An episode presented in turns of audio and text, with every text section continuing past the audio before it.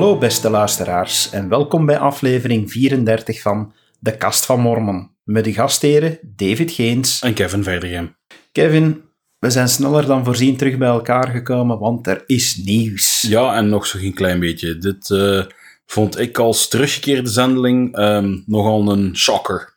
Ja, laat ons misschien eerst even uitleggen waarover het gaat. Het gaat eh, eigenlijk over hoe zendelingen met het thuisfront mogen communiceren en een grote verandering daarin. Tot eh, voor kort, tot vorige week, was het zo dat zendelingen, en verbeter mij als ik het fout heb, want eh, ja, ik ben geen teruggekeerde zendeling en jij wel, maar dat zendelingen op een voorbereidingsdag, P-Day, zo- Preparation Day, ja. Preparation Day, P-Day, zoals het eigenlijk in, in Mormon lingo genoemd wordt, dat eh, ze dan wel mochten communiceren met het thuisfront, maar eigenlijk in uitgesteld relay, zal ik het maar noemen. Ja, je e-mailde, hè. Dat was eh, vroeger, heel vroeger natuurlijk, was het schrijven. En dan, ja, met de post en beeld ingezet in Engeland, dan kan het zes weken duren tegen dat de post de overkant van de oceaan bereikt heeft. Tegen dat het dan nog eh, aan het thuisfront was. En dat je dan een reply had. Dat was een extreem uitgesteld relay. Tegenwoordig zijn onze postdiensten allemaal wat beter en gaat het allemaal wat sneller. Dat hangt ook af van land tot land natuurlijk. Ehm, maar ja, tegenwoordig hadden we e-mail. En myldsmail.net ehm, is de, de website die daarvoor gebruikt wordt om dat ehm, ja, te, te bewerkstelligen, mogelijk te maken voor de zendelingen. En dat was eigenlijk heel fijn. Ik keek er elke P-day toch naar uit om een mailtje te krijgen van mijn eh, familie. Om dan te zien hoe het met hen gaat en ook terug te schrijven. Nu, Maar dat wilde eigenlijk zeggen dat je, daarmee dat ik het uitgesteld relay noem, je zat wel met een week vertraging. Want je moest ervan uitgaan, jij las een mail die al misschien een paar dagen oud was en je stuurde een reply. En voordat jij weer antwoord had op, op je eigen e-mail, ja, dan was het eigenlijk al de week nadien de volgende P-day. Ja, maar ik nu persoonlijk, ik zat niet zo met zulke brandende vragen voor het thuisfront dat ik die instant feedback nodig had. Mhm. Oké, fair enough. Maar ja, dat is eigenlijk zoals het, zoals het gebruikelijk was. Want eind vorige week kwam er plots de aankondiging, en die heeft toch e- echt wel heel wat golven veroorzaakt in de wereld van de heiligen der laatste dagen, dat zendelingen voortaan op hun voorbereidingsdag meer mogen doen dan enkel e-mailen. Ze mogen dus nu ook eh, sms'en, ze mogen telefoontjes doen en ze mogen eh, videocalls, eh, dus Ja. skypen en zo, mogen ze dus nu ook allemaal doen. Terwijl dat, dat- dat vroeger eh, voorbehouden was, dan mochten ze dat ook, maar slechts twee keer per jaar. Klopt, ja, hè? op kerst en moederdag. Ja. Maar nu mogen ze het dus eigenlijk één keer per week.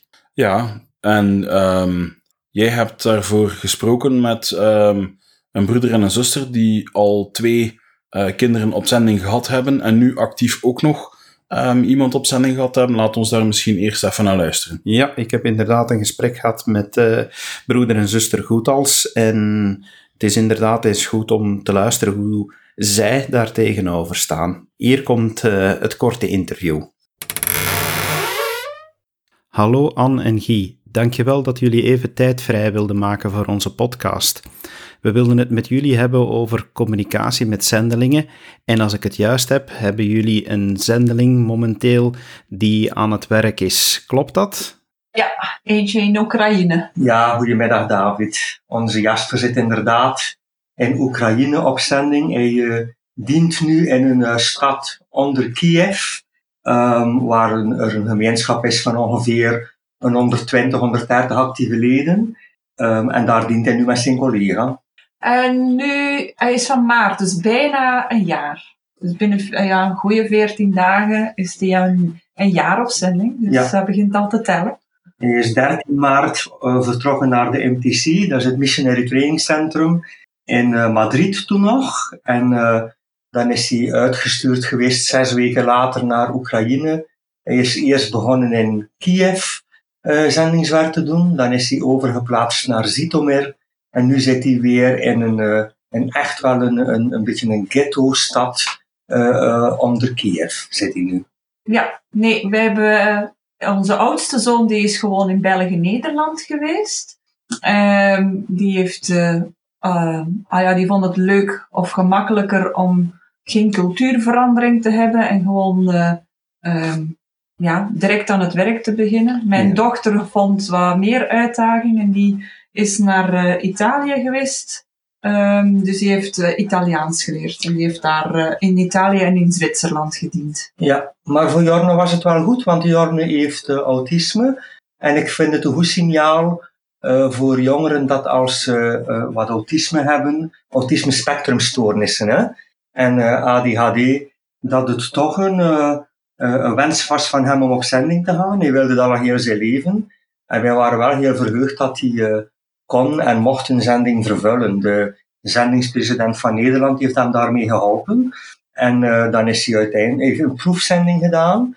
En dan is hij eindelijk eh, op zending vertrokken, twee jaar eh, in de Belgium-Nederlands missie. En dat was echt een zegen voor hem, om hem dat, en voor ons als ouders om het hem te zien doen hoor. Momenteel mogen zendelingen maar één keer per week contact hebben met thuis via een e-mail. En twee keer per jaar mogen ze dan skypen of videocalls doen met hun familie thuis. Ik kan aannemen dat dat voor jullie als ouders toch wel heel hard is om elkaar zo weinig te spreken. Ja, dat is niet gemakkelijk. De, ja, je kijkt echt naar die dagen uit en elke brief en elke e-mailberichtje wordt heel, eh, eh, heel angstig afgewacht eh, voor te horen dat het elke keer goed gaat. Dus eh, ja, Ja. Dat, is, dat doet wel raar. En je mist je kinderen natuurlijk. Hè. Je weet dat ze een goede zending, dat ze op zending zijn, dat ze een goed werk aan het vervullen zijn. Maar je mist je kinderen natuurlijk. hè. Ik mis nu Jasper enorm. Het is onze laatste die op zending is. We zijn nu alleen thuis. en het was een beetje mijn buddy in arms en mijn uh, mededeugniet als we streken konden uitsteken. Maar ehm, het, wordt, ja, het is een kind dat je houdt enorm veel van hun. En het is eh, niet tegenstaande dat je weet dat ze goed werk doen, is het toch moeilijk om ze twee jaar los te laten. Ja. Zoals ik al zei, is het nu beperkt tot twee keer per jaar dat de zendelingen contact kunnen hebben via Skype met het thuisfront. Hoe valt dat eigenlijk voor jullie mee? Is dat leuk? Zijn dat momenten waar jullie naar uitkijken? Um, ja, vertel daar eens wat over, zodat we weten hoe dat, dat voor jullie aanvoelt eigenlijk als ouders van zendelingen. Oh, dat is, eigenlijk is dat nu wel heel leuk. Anders uh, zag je elkaar alleen met kerstmis. En dan uh, maakten we wel, zorgden we ervoor dat er veel familie rond was. Uh, dat, uh, ja, dat Jasper zoveel mogelijk uh, van zijn gezin kon zien en een keer goed kon bijpraten. Ja, we kwamen uh, dan meestal samen bij Anna papa. En dan kwam de Hanse familie samen en dan konden we spreken met hem via, um, um, wat is het? Face. Via FaceTime of zo. Um, Skype eigenlijk. Ja. En dat was wel tof om te zien. Het is natuurlijk een heleboel die op je afkomt en als ouder heb je een miljoen vragen en voor hem um, probeert je op alles te antwoorden zo, zoveel als hij kan. En wij hebben vragen en de familie heeft vragen en, de, en hun kinderen hebben vragen en de opa heeft vragen. En, en ja, het was wel altijd heel leuk om hem te zien, maar ook um, spannend, want we hadden zo ongeveer een uurtje, anderhalf uurtje dat we met hem konden praten. En dat was het zo een beetje, dus dat was wel heel uh, heftig daarna, vond ik altijd. Want dan mis je ze zoveel, te keer, zoveel meer uh, dan ervoor, uh, omdat je met hen gesproken hebt en hen gezien hebt. Maar het is ook heel verlossend, omdat je ziet dat ze het goed maken en je ziet de, de laag op hun gezicht en je voelt een geest die ze hebben. En ja, met de kerst was dat wel altijd leuk. Verleden jaar hebben we het dan gedaan met de kerst bij onze kinderen, met onze kinderen hier thuis, voor Jasper. Um, en dat was ook wel goed. Dat zijn intieme gezinsmomenten waar we van kunnen genieten dan. Hè. Dan zijn we weer eens als gezin terug samen. Dus dat was wel leuk. En dan moederdag natuurlijk. Ja, dat is ook altijd leuk om, om, om hem dan te horen. Maar ik vind het nu wel heel speciaal. Ja, nu is het inderdaad speciaal geworden, want er werd vorige week bekendgemaakt dat zendelingen voortaan elke week op hun voorbereidingsdag mogen skypen met het thuisfront. Dat is natuurlijk een hele verandering en ik kan wel begrijpen dat als ouders het natuurlijk heel fijn is om veel nauwer betrokken te zijn bij wat er leeft bij jullie zoon of dochter. Hoe ervaren jullie dat eigenlijk momenteel? Ah, ik vind dat wel super, omdat nu kan je hem gewoon echt volgen. Je kan hem meer vragen waar dat hij elke week mee bezig is. Want als het allemaal zomaar in zes maanden moeten vertellen, dan vergeten ze dat natuurlijk. Want iets dat drie maanden geleden is, dat is dus een hoogtepunt, maar die kleine dingetjes, die, daar spreek je niet over. En die komen wel nu wat meer aan bod. Dus dat is wel, uh, je kan hem zo meer opvolgen en meer betrokken zijn bij hun werk. Ja, gisteren hadden we dus uh, het geluk om het voor de eerste keer te mogen doen na kerst. En we hadden natuurlijk heel veel te vertellen, maar het was echt super tof om hem te zien en om uh, wat meer over zijn onderzoekers te kunnen praten en wat meer met hem te kunnen spreken, om te zien we hebben gezien dat hij vermagerd is bijvoorbeeld, dus we hebben hem kunnen zeggen van jongen, een beetje dikker worden hè. Dan moet je niet meer zijn op een zending normaal tegen zendelingen, maar uh, dat was wel leuk om te doen. Um, maar het was super fijn om hem te zien natuurlijk. Hè. En vooruitzien dat we hem volgende week weer kunnen zien en de week daarna weer kunnen zien. Het is toch een hele andere beleving zo. Het, het brengt ons en zijn zendingswerk dichter bij elkaar. We kunnen hem ook gemakkelijker tips geven en uh, gemakkelijker uh, ja, zijn vragen beantwoorden. Hè? Zo had ik het eigenlijk nog niet bekeken. Maar als ik me dan afvraag, ja, er is nu de mogelijkheid om wekelijks naar huis te bellen. En ja, vroeger zou het ook al wel eens gebeurd zijn dat je een bepaalde week geen e-mail kreeg omdat je zoon het te druk had. Maar ja, wat gaat er nu gebeuren als je op die voorbereidingsdag geen telefoontje of geen Skype-call krijgt? Legt dat niet behoorlijk wat druk bij je zoon of dochter om toch verplicht elke week contact op te nemen met jullie? Nee, ja, uh, ik denk dat je meer kunt een, een opdracht geven ook een keer. Dat, uh, dat hij meer gemotiveerd gaat zijn om zijn best te doen. Omdat hij nu wat, wat meer moet rapporteren. Want in een mailtje kan hij iets schrijven, maar je hebt maar een week later antwoord. Uh, maar nu heb je onmiddellijk communicatie. Dus het antwoord gaat sneller weg en weer als je zegt van, waarom heb je dat niet gedaan? Dat hij, ja, wat rapper moet rapporteren natuurlijk. Hè? Ja, en Elder Goedhuis is ook geen uh, grote schrijver. Dus uh, hij schreef mailtjes, maar die waren veel korter dan de mailtjes die wij schrijven naar hem. en, maar als je praat, dan uh, is dat toch wel wat makkelijker communiceren natuurlijk. Je kunt veel meer uh, ingaan op het moment en, um, meer aanvoelen wat er best is wat je zegt. En het, is, het is veel aangenamer als ouders. Als kind denken we dat ook. We weten niet of dat, dat een bepaalde druk op hem zal zetten. We horen van andere zendelingen dat dat wel een druk op hen zet. Maar hij zei dat hij gevraagd had aan zijn collega's en zo. En dat dat toch uh, um, um, een, een, een verrijking was dat ze dat konden doen. Dat ze met hun ouders meer konden spreken. Maar wij hebben altijd een dichte band gehad met Jasper. En wij praten ook heel veel met elkaar. Dus um, we vallen niet echt zonder woorden eigenlijk. Een opmerking die je hier en daar nu wel opvangt over dit nieuwe beleid, is dat het van onze jongeren eerder softies kweekt. Want vroeger moesten ze toch twee jaar van huis weggaan, of minstens anderhalf jaar, met dan maar twee keer per jaar intensief contact met mama en papa. En nu kunnen ze gewoon iedere week eigenlijk gaan uithuilen.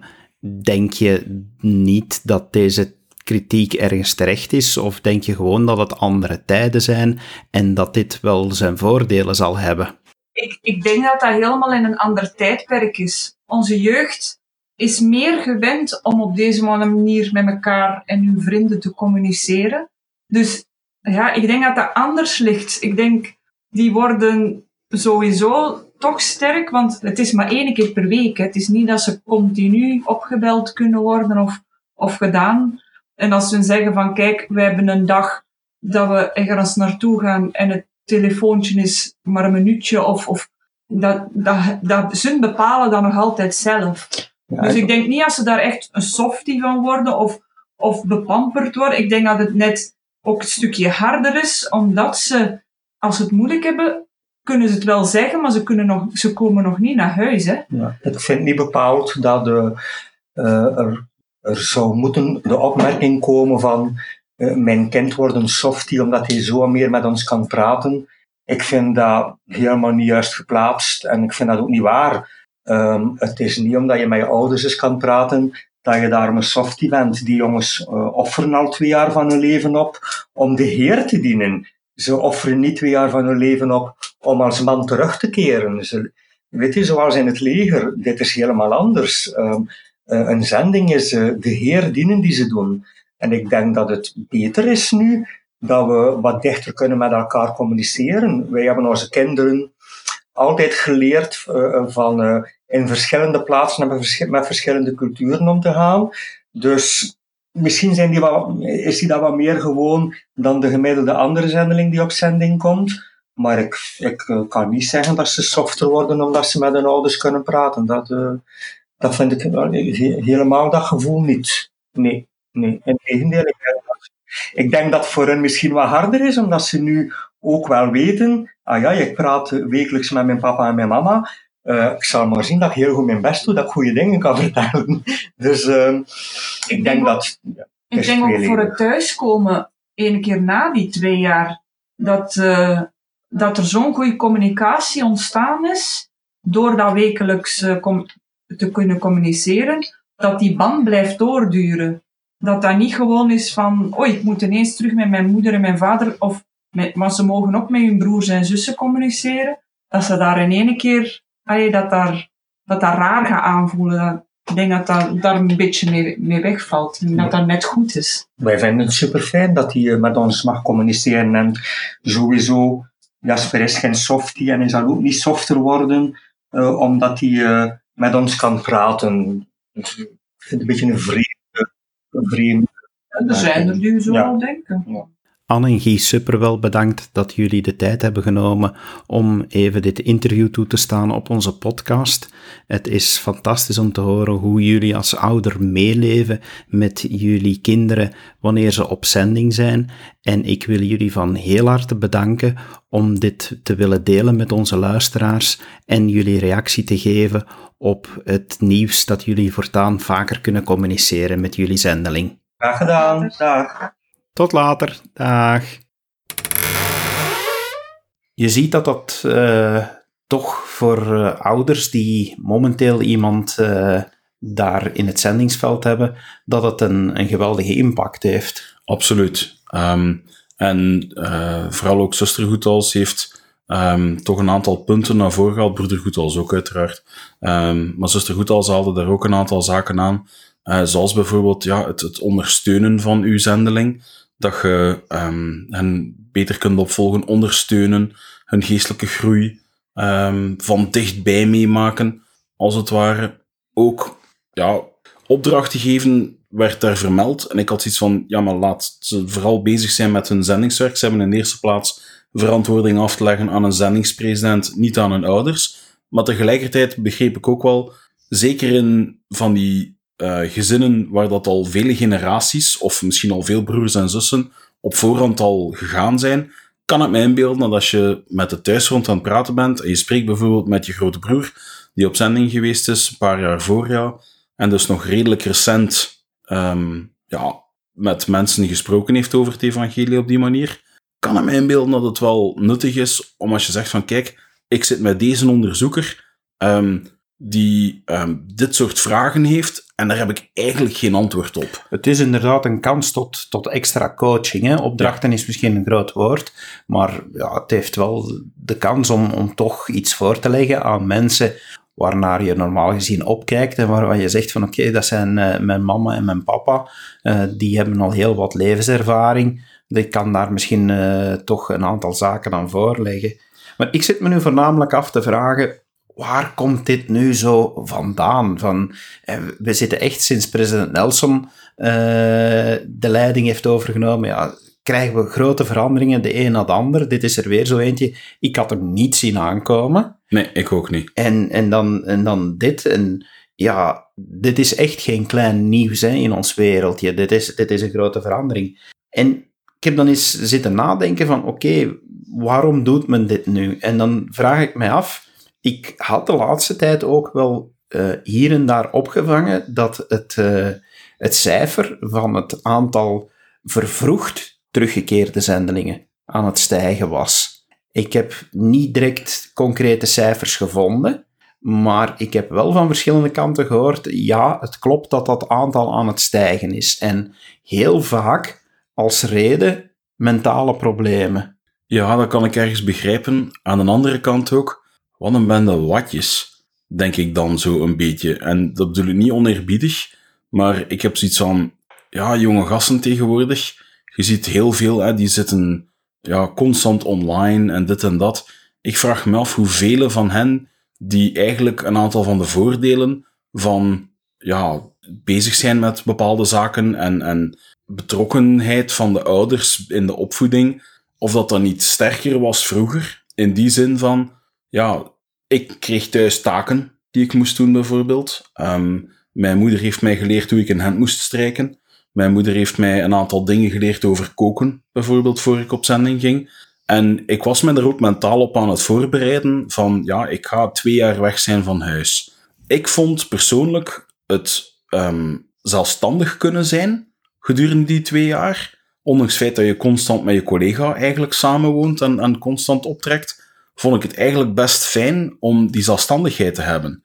Om zelf te kunnen kiezen, nu eet ik dit, nu doe ik dat. En het, het niet meer verantwoording moeten, tussen aanhalingstekens, afleggen voor mondaine keuzes, uh, of mondane keuzes, sorry, ehm, dat vond ik wel prettig. Ja, daar kan ik me ergens in komen, want dat is ook een van de vragen die ik stel van uiteindelijk die, die twee jaar of anderhalf jaar voor meisjes, het is toch voor een stuk ook een overgangsriete. Je ziet in heel veel culturen dat er op die leeftijd een belangrijk moment komt om aan te geven van kijk, hier sluit je je jeugd af en ga je over naar het volgende. In onze cultuur heeft dat heel lang voor jongens eigenlijk de, uh, de dienstplicht geweest om dan eens een eerste keer van huis te gaan. Momenteel zie je heel veel jongeren die er omschermen om op die leeftijd toch op kot te kunnen gaan. En bij ons zijn het dan eigenlijk jongeren die op zending gaan. Dus ik vraag me dan af van, ja, gaat dit dan voldoende de band doorsnijden? Langs de andere kant, eh, even in antwoord op wat je zei, de band die er momenteel is. Ik denk dat we momenteel met een generatie zitten uh, waar de band toch wel vrij hecht is tussen ouders en kinderen. We, hebben een shift gezien van, als je dat de laatste 50 jaar bekijkt, in opvoedkunde, van ja, je moet streng zijn voor je kinderen en een zekere afstand bewaren tot je moet hun beste vriend worden.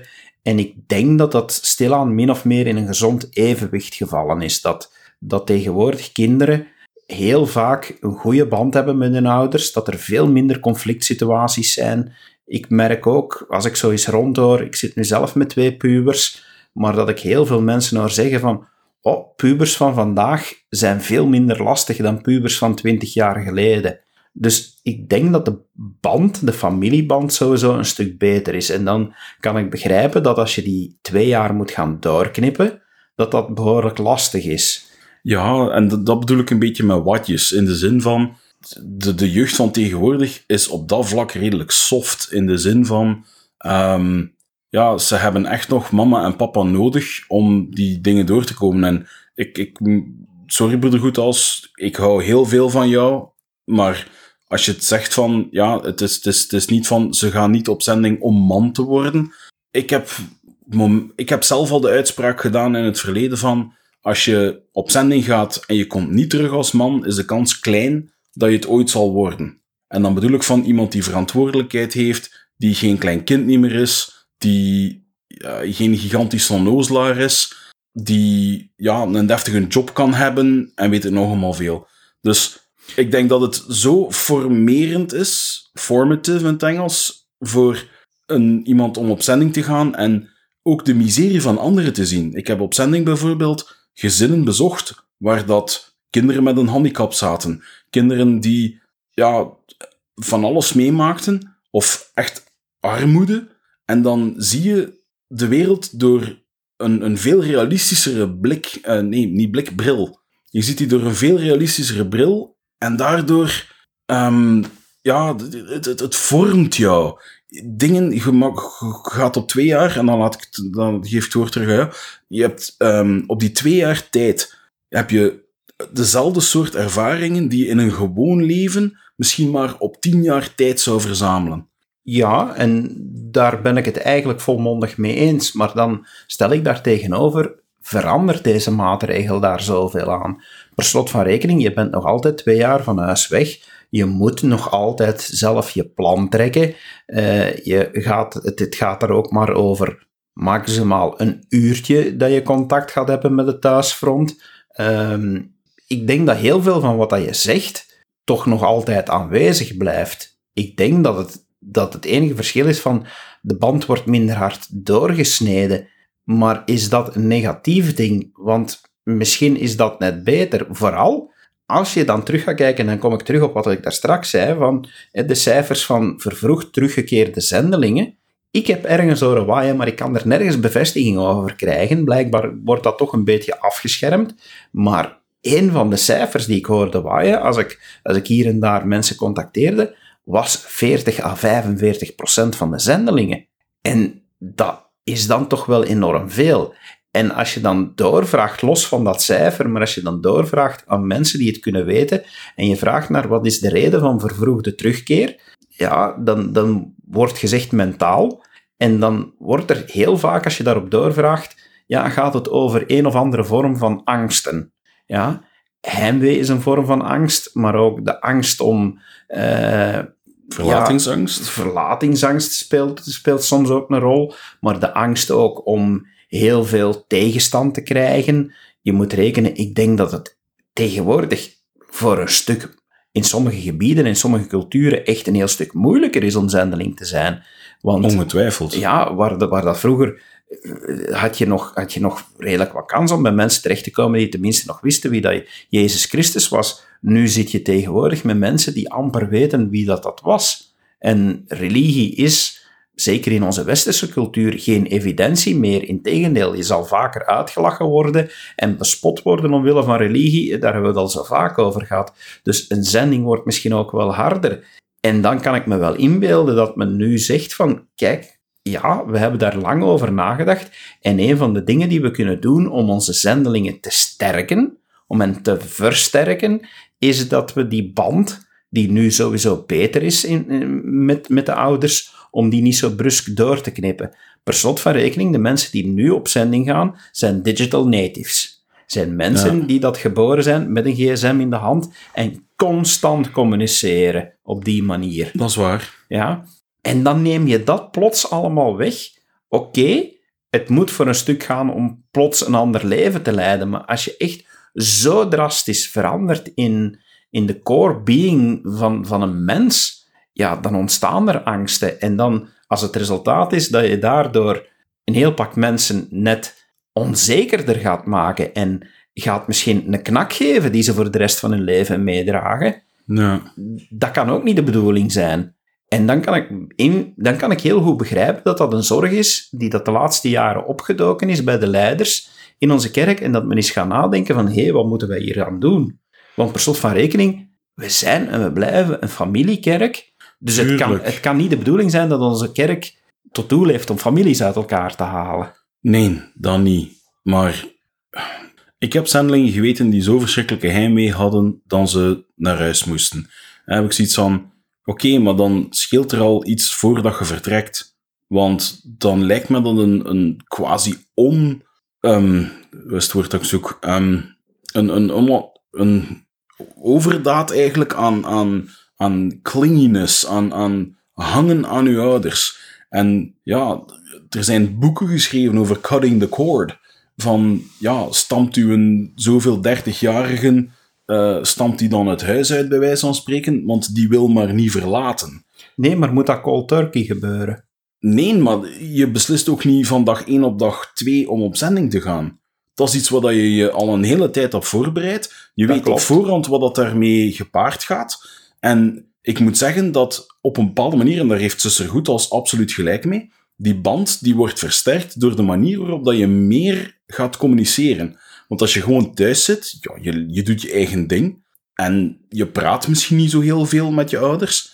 Ik vond zelf dat de band met mijn moeder bijvoorbeeld, um, want zij schreef mij echt elke week, de andere familieleden ook regelmatig, um, dat, dat die band versterkt werd, omdat er op een manier werd gecommuniceerd over bepaalde zaken, geestelijke zaken ook, waardoor dat je meer inzicht kreeg in elkaar. En dat je ja, ik kom terug en ik heb mijn ouders en mijn, mijn, mijn, mijn, zussen um, nooit gemist. op zending. En dat klinkt misschien hard, maar ik had die communicatie wekelijks per e-mail. Bij mij hoefde dat niet instant te zijn en ik had ook niet zoiets van, goh, weet je, um, ik, ik ga nu echt in een hoekje liggen wenen als ik um, niet kan gaan e-mailen bijvoorbeeld. Nee, maar het is toch ook niet dat deze verandering dan nu plots helemaal gaat doen omslaan, want per slot van rekening, dit blijven wel zendelingen die dat toegewijd zijn aan hun zendingsopdracht en die ook wel weten waar hun prioriteiten liggen.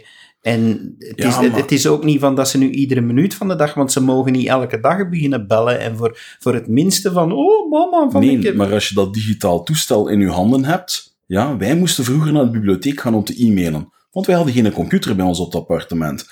Als jij um, gewend bent van heel de dagen op WhatsApp en, en, en gewoon sms'jes te zitten doen, hoe groot is dan de verleiding niet om dat toch elke dag te gaan doen? Of tussendoor, want het is maar een sms'je. En op welk punt ben je zodanig bezig met het thuisfront, omdat je het niet kan loslaten, dat je je niet volledig kan focussen op het werk van de Heer. Daar heb je gelijk in. En dan heb ik echt wel zoiets van, sorry, sorry dat ik even onderbreek, maar ik wil echt mijn punt maken.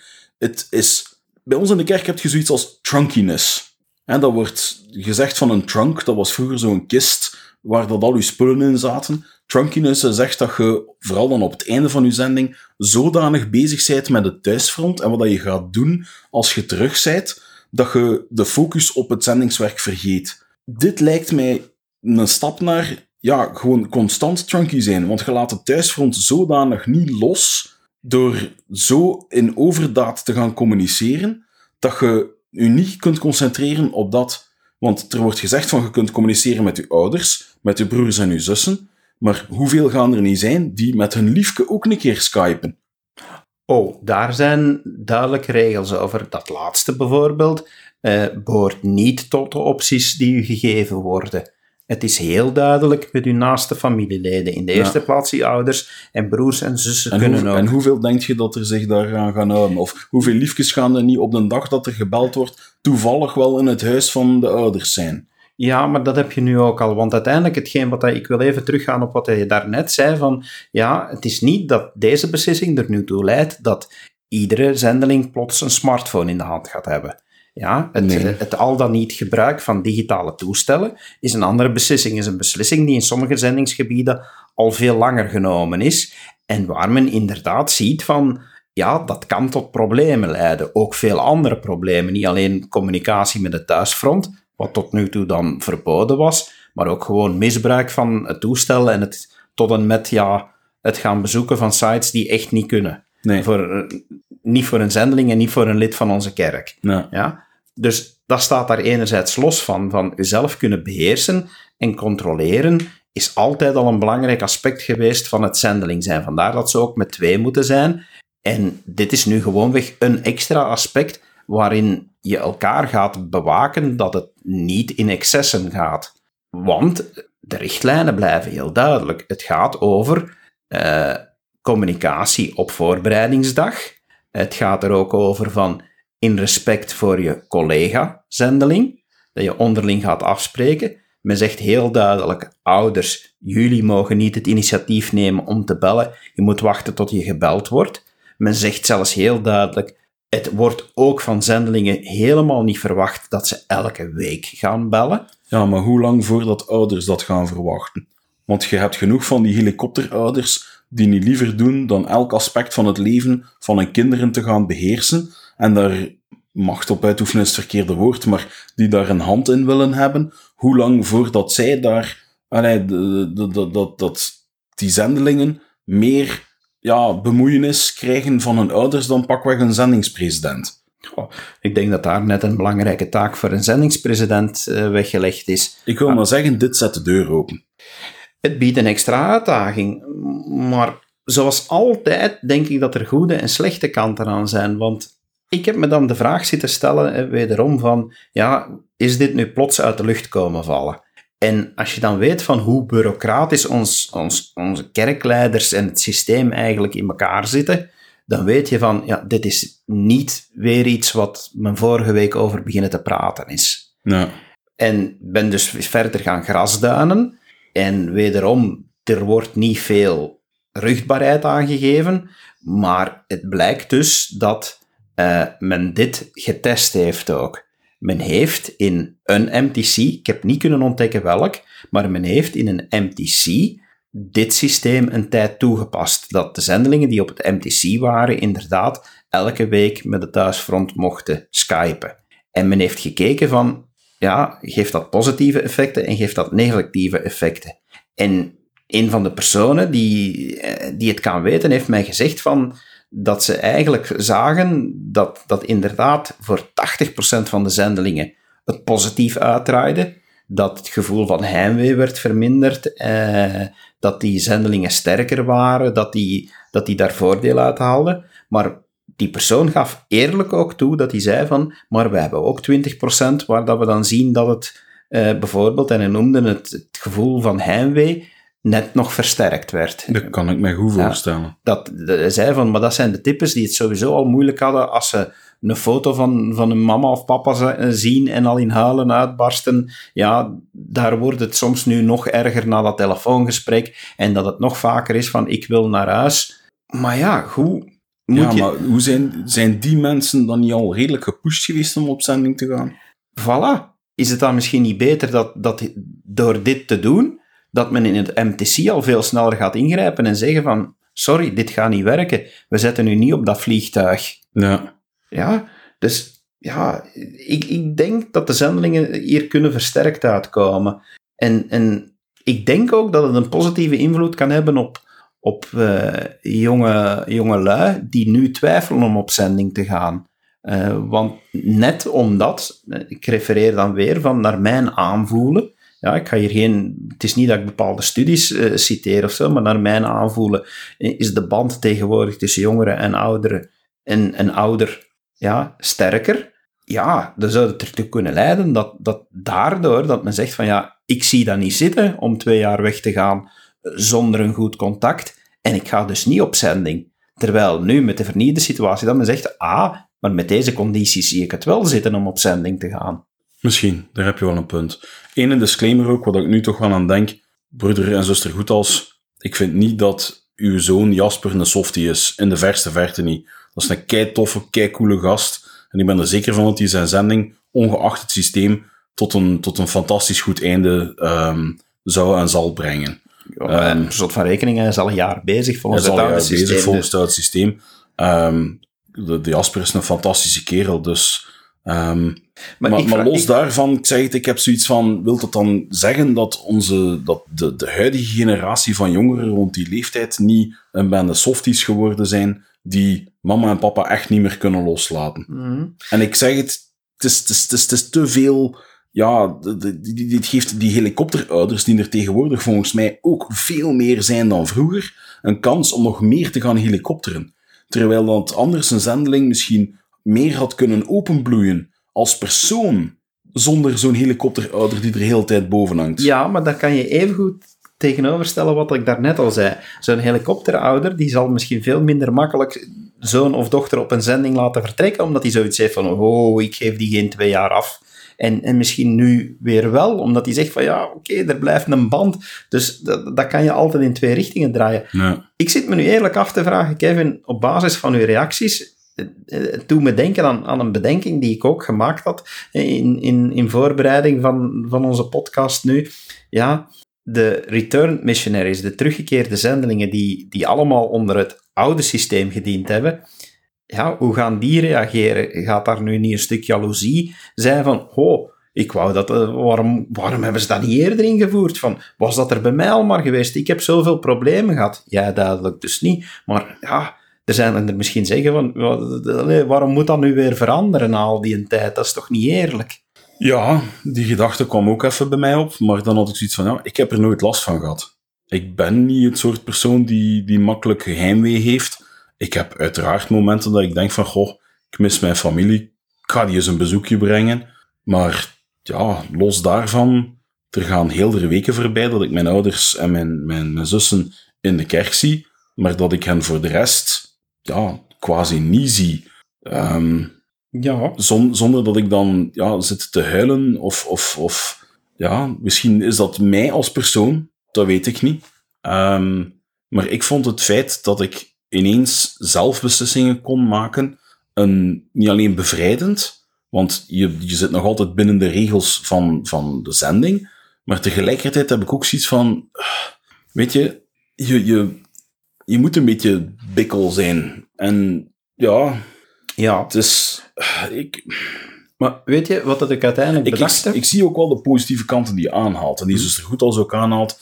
Maar ik zie ook tegelijkertijd de problemen die er kunnen zijn. Als de ratio inderdaad die 80-20 is, tegenover misschien nu 60-40, dan is dat een verbetering. Laat dat duidelijk zijn. Maar ja, persoonlijk heb ik er wat moeilijk mee, omdat ik zoiets heb van, ja, het is inderdaad die rite of passage, en dat wordt nu in mijn ogen wat afgezwakt. En dan Ja, heb ik zoiets van, maar- hoe komt je daar dan uit? Ja, maar uiteindelijk, eh, en ik heb hier nu twee dagen over nagedacht, maar uiteindelijk heb ik hier ook weer één ding op bedacht, is van, dit is niet plots uitgevonden door Elder Oegtorf, eh, die als apostel nu aan het hoofd van het zendingsdepartement staat. Dit is, dit, eh, de brief is duidelijk uitgegaan van het eerste presidium en de twaalf apostelen. Dat wil zeggen dat zij hier heel duidelijk grondig over nagedacht hebben waarschijnlijk ook, mag ik toch vanuit gaan, zoals altijd bij zulke beslissingen, daar eh, meer dan één keer over gebeden hebben. En heel duidelijk de eh, instructie van Christus en van Hemelse Vader in gezocht hebben eh, om te weten welke leiding ze aan de kerk moesten geven. Dus mogen we er toch van uitgaan van ja, onze leiders handelen door openbaring en ja, dat betekent toch dat, dat dit ja, nodig was. En we zijn nu eenmaal een kerk die dat durft evolueren. Tuurlijk. Eh, daarmee, joepie, we hebben een levende profeet, we, we hebben twaalf apostelen. Eh, ja, je zou je nog de vraag kunnen stellen van, stel dat dit toch allemaal niet zozeer echt een openbaring was, of dat men bepaalde dingen niet zo goed heeft begrepen, hè, want ook onze Wat, leiders wat ik niet kunnen... stel, hè. Nee, maar stel dat zo is en dat men binnen vijf jaar ziet van, hm, dit werkt toch niet zoals het moet, zou men de moed hebben om het terug af te schaffen? Daar heb ik geen antwoord op. Nee, ja. Maar het, doet me wel nadenken. Daar niet van, maar daar kan ik niet zozeer een, een, een antwoord op geven. Ik denk dat het belangrijk blijft van hoe de zendingspresidenten ermee omgaan en, en hoe zendelingen... Ja, zoals je zegt, hè, van, van het, is, het is op zending gaan. Weet je, het, is een, een rite of passage, maar dat is niet de hoofdbedoeling ervan. Op zending gaan is de hoofdbedoeling om andere mensen te vertellen over het evangelie. En dat het andere voordelen en andere zegeningen met zich meebracht en brengt, is heel duidelijk. Maar ik denk dat dat nu ook het geval zal zijn. En waar dat vroeger misschien de, eh, ja, eh, de verbinding tussen ouder en kind wat abrupter werd doorgesneden en nu wat minder, weet je, het is anders. En, eh, maar daarom hoeft het niet te betekenen dat het daarom minder goed zal zijn. Want dat betekent dat diegenen die nu op zending gaan en, of, of op zending zijn en met deze nieuwe maatregel moeten leren omgaan, dat zij ook al leren van, ja, hoe gaan wij met ons ouders om in een wereld waarin dat wij toch zelfstandiger zijn en meer onze eigen beslissingen nemen. Dus dat kan ook een zegening zijn dat ze daar al leren mee omgaan. Ja. Terwijl vroeger moesten ze er niet leren mee omgaan, want het was er gewoon niet. ja. Dus ja, zoals in alles, Ja, heeft voor- en nadelen. de band met, met mijn moeder en ook mijn, zus, mijn oudste, de oudste van mijn, van mijn jonge zus, Kimberly, zij schreef mij getrouw elke week. En ja, ook credit daar naar mijn zus trouwens, want toen zij op zending was, heb ik er absoluut zo vaak niet geschreven. Eh, tot mijn scha en schande. Maar ik, ik haalde daar ook wel steun uit. Ja, ik, hopelijk brengt het inderdaad de voordelen die vooropgesteld worden en veroorzaakt het niet problemen. En ik hoop dat er dan ook een soort van controlemechanisme in de zin van misschien opvolgvragen van hoe gaat het ermee en weet er nog maar veel. En ehm, ook een beetje, ja, misschien vragen bij de collega van, hè, lukt dat allemaal? Eh, om toch te gaan kijken van, ja, als, als, als dat negatief uitdraait voor een bepaalde zendeling, om daar dan toch niet ja, ergens in te grijpen of te zeggen van, sorry, maar het is duidelijk dat je het niet aan kunt. Ehm, we, willen die last niet, niet blijvend op u leggen. Ehm, we geven u de keuze om naar huis te gaan, bijvoorbeeld. En ja, het is... Ik heb er een hele hoop bedenkingen bij. Ik, ik sta vaker aan het negatieve spectrum uh, te zwaaien van hey, je ziet dus naar dit, um, dan aan het positieve. Maar ik zie absoluut de positieve kanten er ook wel van in. Maar ik denk dat we er nu een beetje alles over gezegd hebben dat er over ja, te zeggen we valt. kunnen erover bezig blijven. We weten dat... Ik heb nog een aantal ouders gecontacteerd die momenteel uh, iemand in het zendingsveld hebben. Iedereen reageert nu behoorlijk enthousiast. Online heb ik hier en daar ook bemerkingen gevonden zoals dat jij die maakt. Um, toekomst zal het uitwijzen. Hè, van, en ja. voorlopig ja, sus ik mij, om het dan zo te zeggen, met het idee dat onze leiders wel degelijk onder openbaring hebben gewerkt. Ja. Goed, um, er is een, uh, een artikel uitgekomen op de website um, van, uh, wat is het? Uh, een radiostation, Cure, ja. een radiostation in, in Utah. Over wat het eigenlijk is voor een moslim om naar BYU te gaan. Oh, stop. Wacht. BYU. Brigham Young University, een, een, een, een organisatie, een, een, universiteit die door onze kerk um, gestuurd wordt in de zin van um, de, de leiders van die universiteit worden gekozen door de leiders van onze kerk. Dus niet iedereen op die universiteit is lid van onze kerk. Ja, inderdaad. Um, nu, voorrang wordt wel gegeven. Hè? Um, full, full openheid daarover. Voorrang wordt wel gegeven aan leden van de kerk bij ja, bepaalde quota of weet ik veel wat. Maar er kunnen dus perfect ook niet leden van de kerk naar daar gaan, ja. maar dienen zich wel aan een hele hoop regels te houden. Oké, okay, ik heb even research gedaan. Dus Brigham Young University telt ongeveer 33.000 studenten. En het klopt inderdaad, 98% van die 33.000 zijn lid van de kerk van Jezus Christus van de Heilige der Laatste Dagen. En onder die 2% die er dan, uh, die dat geen lid is van de kerk, is inderdaad de, de grootste groep, eh, samenhorende groep, zijn inderdaad moslims. Ze zijn momenteel, van die 33.000 zijn er 44 moslims. Wauw, en dat is dan de grootste groep.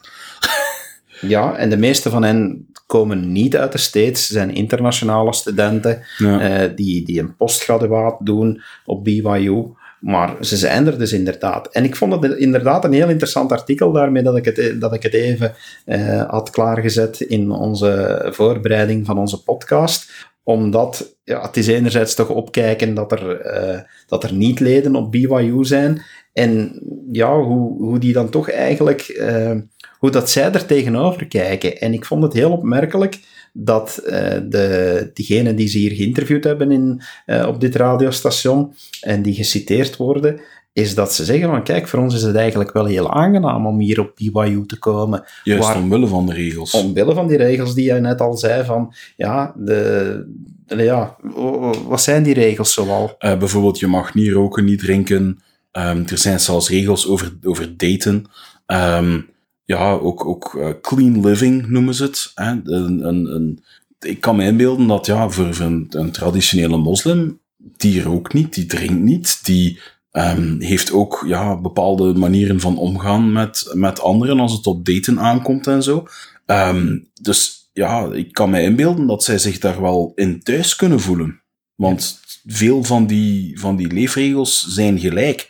Ik hoor nu al een aantal luisteraars denken van, goh, maar roken gelijk een Turk, dat is toch ook wel een, een uitdrukking. Um, ja, uiteraard zijn er in elke strekking, in elke godsdienst, zijn er mensen die zich traditioneler op een of andere manier gaan opstellen.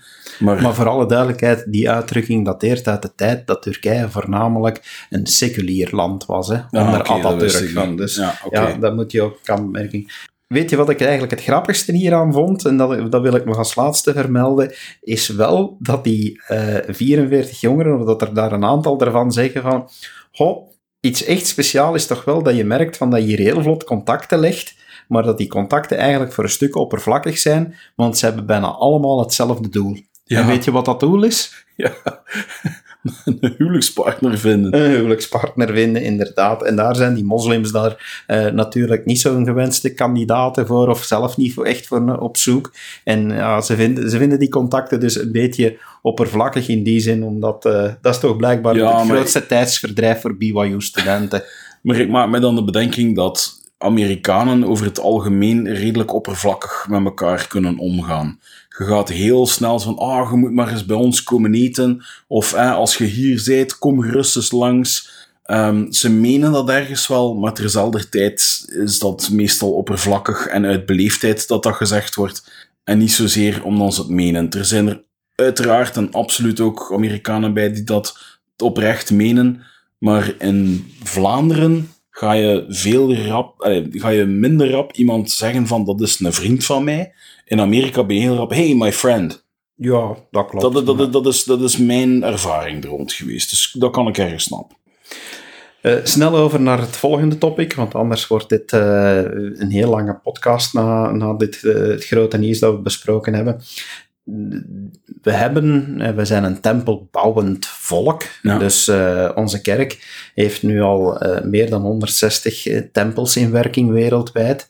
En er gaat er een nieuwe in, in bedrijf, zal ik maar zeggen, nu in maart in Rome Ja. is een nieuwe tempel gebouwd. Het is ook gebruikelijk dat tempels, voor ze ingewijd worden, dat ze worden opengesteld voor bezoekers. Ja, voor Eender wie. Want eenmaal gewijd, dan zijn er strikte regels wie er binnen mag. Zelfs Ja. het lidmaatschap van de kerk is niet voldoende. Eh, laten we ons daar nu bij houden.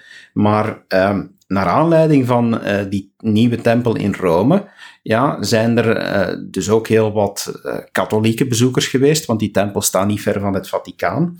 En ehm, dat, dat, dat, dat bracht toch een, een of andere website die schrijft voor een katholiek publiek om er een aantal eh, dingen over onze kerk te zeggen. En dan zie je toch dat daar wederom een aantal verschilpunten worden aangehaald. Ja, dat, dat, men zegt van, ah ja, de banden worden beter, maar uh, de, ja, het blijft toch verschilpunten. En dat, dat, men, dat men vanuit het Vaticaan toch, ja, ondanks alles wat we samen doen, het moeilijk blijft hebben om te zeggen van dat we mede-christenen zijn. Uh, waaruit blijkt dat dan? Gewoon uit een, een van hun officiële standpunten. Bijvoorbeeld, um, wist ik ook niet, maar met uh, dit nu te lezen en wat verder uh, te, te speuren, het is dus zo dat, uh, stel nu je wil katholiek worden, ja, kan een gerechtvaardigde keuze zijn, van iedereen moet de keuze altijd voor zichzelf maken, Mhm. ja, dan, ja, net zoals bij ons, is, is eigenlijk de, ja, het begin van je lidmaatschap, het begint met de doop. Nu, als je al gedoopt bent in een andere christelijke kerk, een andere christelijke denominatie, erkend door het Vaticaan, moet je niet opnieuw gedoopt worden om katholiek te worden. Als je heilige der laatste dagen bent, dan moet je wel sowieso opnieuw gedoopt worden, omdat ze onze doop niet erkennen, omdat ze ons niet echt als volledig christelijk beschouwen. Misschien ook omdat we geen aftakking zijn van de vroeg-christelijke kerk. Goh, Allee, in hun ogen dan. In hun ogen wij van- zijn de herstelling van de vroeg-christelijke Ja. kerk.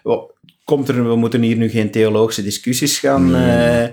eh, eh, gaan voeren, maar het, het, het, ga, het grijpt terug op eh, het, con, het eerste concilie van Nicea, of hoe ja, noemde het de ook? weer? Nicene Creed. Ja. Ja, het verdrag dus- van Nicea dat toen is opgesteld. Ja, en, en dat daar een aantal, ja, of toch heel wat eh, basisbeginselen van het christendom zijn vastgelegd. In onze ogen inderdaad het begin van, van de afval. Ja, Eh, omdat, ja, als ik daar heel kort mag tussenkomen, ze hebben toen eigenlijk een definitie van God op papier gezet, die zo verschrikkelijk ruim was, dat al die andere secten die er, die er, die er toen op dat moment waren, er hun ding wel in konden vinden. Dus, ja, het, is, je moet het maar eens lezen. Ik heb ooit een onderzoeker gehad bij ons op zending die ehm, een kopie daarvan te pakken gekregen had en die mij daar een stuk had uit voorgelezen. Mijn mond viel open omdat ik zoiets had van, hoe kunt je nu een Nieuwe Testament lezen? En ja, toen hadden ze het Nieuwe Testament nog niet, want ze hebben in die concilie hebben ze besloten welke boeken en welke geschriften dat er allemaal in de Bijbel moesten terechtkomen. Ehm, maar hoe kun je ja, de schriftuur die ze toen ook al hadden lezen en zo een verschrikkelijke ruime definitie van wie of wat God is ehm, gaan neerschrijven? Dus, ja, dan, ver, dan verbaast het mij dan dat, dat ze vinden dat onze definitie er, daar niet onder valt. Nee, maar het, het komt heel... Ja, het, het- voor de meeste, als je toch eh, dat stukje theologie gaat bekijken, het komt erop neer van, ja, dat men zegt van een van de basispijlers van het christendom is geloof in de drie-eenheid, zoals, ze, zoals Ja. dat zij het noemen. Zijnde van dat God de Vader De Holy God de Trinity, Zoon. ja. en God de Heilige Geest Ja. wezen zijn. één wezen zijn. Ja. Een drie-eenheid zijn, maar, maar eigenlijk niet echt van elkaar te onderscheiden zijn.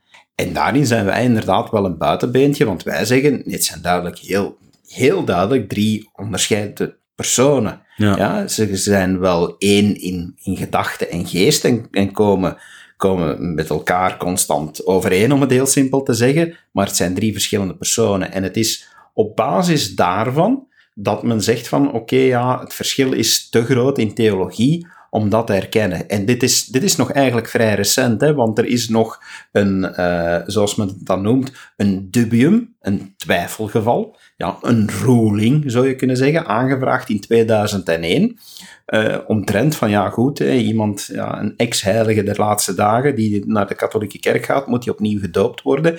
En daar is omwille van dat theologisch verschil heel duidelijk op gezegd, ja, die moet opnieuw gedoopt worden. Want die moet nu zich bekennen tot ja, toch een nieuw theologisch feit dat mijlenver uit elkaar staat. Ja, dan met die heilige drievuldigheid. Kijk naar de doop van Christus. Hè. Ehm, Christus' zoon staat in het water. De stem van God de Vader die komt eh, uit de hemel. En ehm, de Heilige Geest daalt neer op Christus in de vorm van een duif. Volgens die definitie wil het dan zeggen, ik wil het niet een belachelijke trekken, maar volgens die definitie wil het dan zeggen dat God ehm, niet alleen in het water stond, dat hem ook een buikspreker is en zijn stem van ergens kan, anders kan laten komen. En tegelijkertijd ook nog ja, ehm, in een duif zitten en op zichzelf landen. Ja, maar dat is dan wat dat, ja, ik ben zelf lid geweest van de katholieke kerk. Dat is dan wat dat een van de mysteries van het geloof wordt genoemd. En, en waar How dan convenient. Ja, ja en nee. Je moet ook bekijken van, ja, van voor de meeste christenen, dat geldt dan niet alleen voor katholieken, maar voor de meeste christenen is het zo dat God echt een eeuwig wezen is, dat altijd al God geweest is en altijd, en altijd God zal blijven, helemaal anders dan wij. Terwijl wij, eh, als leden van de kerk van Jezus Christus van de Heilige der Laatste Dagen, eh, ik ga nu de hele theologie heel simplistisch voorstellen, maar zeggen van God was ooit zoals wij en wij kunnen misschien ooit worden zoals God. Ja. Ja? Ik heb nu enorm veel dingen gesimplifieerd en er zouden heel veel eh, collega-heiligen zijn van ja, maar ja, dat klopt toch ook niet helemaal. Ja, dat allemaal even buiten kader, maar ook dat is een heel andere manier van denken dan zoals dat heel veel andere christelijke kerken dat doen. Maar ja, ik vond het eh, naar aanleiding daarvan toch heel opmerkelijk van dat, eh, dat eh, een, een toonaangevend katholieke website dat even in de verf wilde zetten van hé tof, eh, mormonen openen tempel en we doen heel veel leuke dingen samen, maar we blijven toch wel serieus verschillend. Ja, anders, het is gelijk politieke partijen, hè.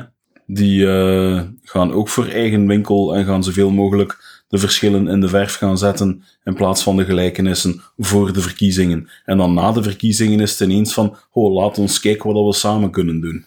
Allee, ja, Ja, geen politiek. Geen politiek, geen maar wat. Goed. Ik wil nog eh, een, een waarschuwing meegeven aan onze luisteraars. Iets wat dat eh, mijn oog trok, ehm, is dat, ja, ehm, ja, zoals altijd, er woedt altijd een strijd tussen gelovigen en ongelovigen. En wij weten als heiligen der laatste dagen dat diegenen die onze kerk verlaten, dat er daar een heel deel zijn die dat niet enkel stilzwijgend de deur achter zich dichttrekken, maar dan nadien echt een strijd voeren tegen onze kerk. dat mag je nog niet. Ja, ik zal ze nu maar makkelijkheidshalve gewoon ex-mormonen noemen. En ja, een van de dingen die nu naar boven gekomen is, is dat, en ik weet niet zeker of het een groep dan wel de actie is van een, van een enkeling, maar die heel specifiek op een, wat dat ik dan als ja, social media expert eh, slimme manier toch wel vind, is, is Slim, sluiks. ja, ah, goed, dat hangt van je doelstellingen af, maar die, eh, ja, de advertentiemogelijkheden op Facebook is gaan gebruiken om andere, nog wel actieve leden te gaan proberen informatie te geven waardoor ze gaan twijfelen. Ja, maar echt wel die mensen gaan targeten. Hè? Ja, heel vergaand. Eh, het onderzoek heeft aangetoond dat ehm, de groepering die erachter zit, eh, dat, die, dat die heel duidelijk ja, bestaat uit ex-mormonen en dat men daar de vraag heeft gesteld van hey, ken jij leden waarvan je vermoedt dat we die misschien aan het twijfelen gaan krijgen en heb je daar een e-mailadres van en ja, zonder ook al te technisch te gaan,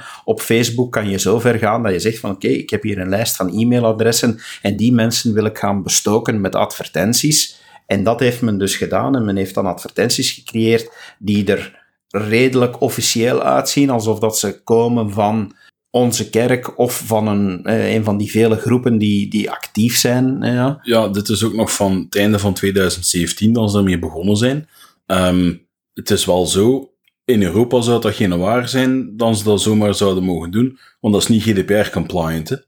Want je bent eigenlijk een lijst aan het cureren van dingen waar dan mensen geen toestemming voor gegeven hebben om op zo'n lijst te staan. Ja, goed, dat kan je inderdaad wel, wel gaan zeggen. Van, um, ja, het zit, zit hem hier en daar in grijze zones, maar het komt erop neer, men heeft ja, heel duidelijk op een manier, gaan advertenties plaatsen die er uitzien alsof dat ze komen van, uh, van de kerk zelf of van een groep die dat echt het, het goed voor heeft, hè, die, die pro, uh, pro-mormoons lijken te zijn, maar in werkelijkheid uh, dan toch proberen twijfelachtige informatie mee te geven. Um, ja, ik wil er nu niet dieper op ingaan, omdat er, er, is heel veel, er zijn heel veel vraagtekens bij, bij dit Mormon Ads gebeuren. Um, maar ik wil toch maar eens gewoon meegeven aan onze luisteraars. Kijk goed uit je doppen. Um, want het kan heel verleidelijk zijn om iets wat er in de eerste plaats goed uitziet te gaan delen. Uh, om nadien vast te stellen dat het, uh, het aloude recept is dat men beproeft, zijn de waarheid met leugens gaan vermengen. En ja, dat blijft toch, toch heel gevaarlijk. Van het is, uh, het is een geval. Hoe is, hoe is de schrifttekst? Satan, who is the father of all lies, mixes truth with uh, lies with truth. Um, en, en leidt op die manier ja, de kinderen van God weg van God. Hè. Um, er zijn ook dingen gebeurd in de kerkgeschiedenis waar dat je inderdaad van kunt zeggen van, goh, hè, maar over het algemeen worden die uh, in een volledig verkeerde context. Ze geven wel feiten, maar worden zo gekaderd dat ja, het iedereen aan het, aan het twijfelen zou doen brengen. Um, daarom dat Elder Ochtdorf ook ja, die, die um, toespraak gegeven heeft van doubt your doubts before you doubt your faith. Um, uiteindelijk is het je persoonlijke verbinding met de Heilige Geest die jou van waarheid kan onderscheiden. Ja, maar toch vandaar even kort de waarschuwing. Uh, nu nog snel een, uh, een laatste uh, weet je, voor we naar de aankondigingen overgaan. Ehm, weet jij wat giving machines zijn, Kevin? Ja, dat zijn van die... Het lijkt op een vending machine, maar je kan er eigenlijk niks voor jezelf kopen. Vending machine, bedoel je mee? Een, een, een, een ja. snoepautomaat bijvoorbeeld. Ja. Um, waar dat je dan op verschillende rijen dingen hebt. En die waren heel mooi op prominente plaatsen gezet. En daar kon je eigenlijk zeggen van, kijk, ik koop bijvoorbeeld een teken voor een daklozen. Om er een, een onnozel, een onnozel, om een voorbeeld te geven. En dan viel er wel iets beneden in een verzamelbak, maar dat was niet voor jou. Dat was meer iets symbolisch om aan te tonen van, kijk, hè, je hebt dit nu gekocht, dit is concreet wat je, um, wat je hiervoor kan doen. Ja, het was uh, een heel mooi initiatief van onze kerk. Uh, het waren dus inderdaad uh, rode ja, automaten waar je zaken zoals, zoals eten of, of proper water kon virtueel kopen. Ze waren geplaatst in de Verenigde Staten, in het Verenigd Koninkrijk en in de Filipijnen. Die drie landen waren als voor dit pilootproject, was in de kerstperiode, was nog een van de kerstinitiatieven van onze kerk. En uh, ja, uh, dan, dan zie je toch van dat het vrij succesvol is, want ook daar weer cijfermateriaal, ik hou van cijfers. Ja, de, de mensen die dat dus voorbij die machines gingen en het een leuk initiatief vonden en daar dan toch een aantal dollars hebben ingestoken, of, uh, of nog meer. Ja, het heeft, het heeft wel wat bij elkaar gebracht. Onder andere 843.000 maaltijden meer dan 16.000 medische gezondheidskits eh, werden eraan gekocht. Eh, bijna 11.000 kledingsets. En ehm, ja, schrik niet, bijna 20.000 kippen. Dus je kon ook kippen Ja. kopen in eh, die machine. En bijna 4800 geiten. Ja, dat heeft microeconomics, ehm micro-economieën, ehm, waar dan ze eigenlijk, ehm, dat zijn heel mooie organisaties, daar heb ik al van gezien, die eigenlijk aan, bijvoorbeeld in Afrika, aan vrouwen een, een kleine lening geven voor een geit en die zichzelf daarmee uit, uit de armoede kunnen krijgen. Het, is, het is een fantastisch mooi programma. En ook daar kon je dan eigenlijk zeggen van, in plaats van dat die mensen dat voor een kleine lening moeten doen, gaan we hen dat geven zodanig dat ze zelf, ja, ehm, zichzelf uit de armoede kunnen, kunnen krijgen en een, en een micro-economie ehm, op gang kunnen stellen. Ja, als je ziet onder andere het geld dat dus op die manier werd gegeven voor gezondheidskits, hè, van, om ook daar toch eens eh, een idee te geven van meer dan, eh, want er wordt samengewerkt met UNICEF en UNICEF heeft laten weten dat met het geld dat zij op die manier gekregen hebben, eh, dat ze meer dan 320.000 kil- kinderen gaan kunnen inenten tegen polio. En eh, dat ze ook, eh, en ik vond het heel opmerkelijk, dat men heel veel springkoorden kan ermee gaan kopen en dat men eh 3500 voetballen eh, gaat kunnen Dat is wegschenken. tof, hè. Dat, hij- ik- een voetbal voor, voor een, een, een groep jongeren kan zoveel plezier en zoveel dingen bijbrengen. Ehm, gemeenschap en weet het nog allemaal veel, in plaats van in de miserie te gaan zitten of in de criminaliteit. Nee, dan gaan ze een soort van zelfgemaakte voetballeague opstarten en zo in die toestand. Het, het, het, het is veel meer dan lompweg een bal. Ja, en ik hoop echt van... Ik vind, ik vind dit zo schitterend, de resultaten, maar, maar ook die idee, dat ik echt hoop van, dat we er misschien zouden in lukken van zo eentje eh, naar, naar ons gebied te krijgen, of dat we in Amsterdam en in Brussel eh, zo'n zo'n vending machine kunnen opstellen, Ja, of kunnen laten rondreizen. of ja. ja. Eh, ik, ik zou eens de effecten willen zien van wat dat we zo zouden verzameld kunnen krijgen in, in onze kontrijen. Ik vond het zelfs leuk, ehm, een collega op het werk ehm, was met dat nieuws bij mij gekomen en zei hij van, zie eens, dit, dit vind ik echt een heel tof initiatief van jullie kerk en vind ik echt een heel mooi eh, gebaar. Dus het, het, het was zelfs iemand hier in Vlaanderen eh, bereikt, het had iemand in Vlaanderen bereikt ehm, die ik nog niet over dat ding verteld had. Om eh, af te sluiten geef ik nog even mee totale opgehaalde geld. eh, want ja, uiteindelijk, het was inderdaad allemaal virtueel. Dus ja, men heeft geld opgehaald in die machines. Was 2,3 miljoen dollar. Super. hè? Goed, Kevin. eh, wederom eh, een, een lange aflevering, omdat we toch heel belangrijk nieuws te melden hadden. Laat ons nog even kijken. Hebben we aankondigingen binnengekregen deze, deze week? Ja, ehm, er komt een, eh, een muzikaal evenement. eh The Lamb of God noemt het. Ehm, en dat zal voor ons in Antwerpen doorgaan op zaterdag 13 april van 2 tot 3 uur 30. In Zoetermeer op diezelfde dag van 7 uur 30 tot 9 uur s'avonds. En dan de zondag 14 april van 7 uur tot 8 uur 30 in Apeldoorn, in Ja. de respectievelijke ringgebouwen. Ik geef even nog mee wat men eh, zelf op de aankondiging schrijft. Eh, ik citeer. Kom en luister naar de muzikale vertaling over het einde van het leven van Christus.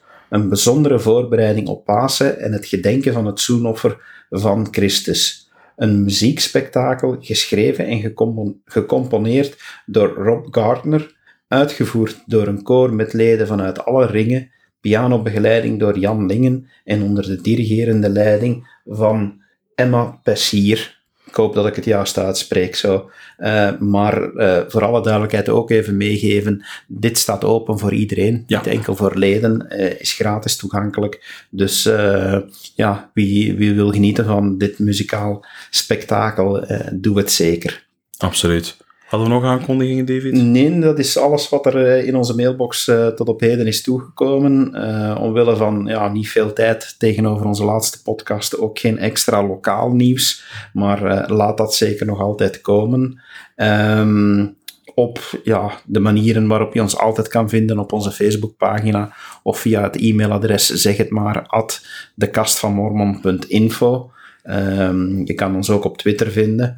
Uh, als je dan toch uh, bezig bent om ons online te zoeken. Ja, het zou heel tof zijn dat we eindelijk eens wat uh, positieve, we hebben eigenlijk er nog geen, maar zeker positieve uh, feedback krijgen op iTunes bijvoorbeeld.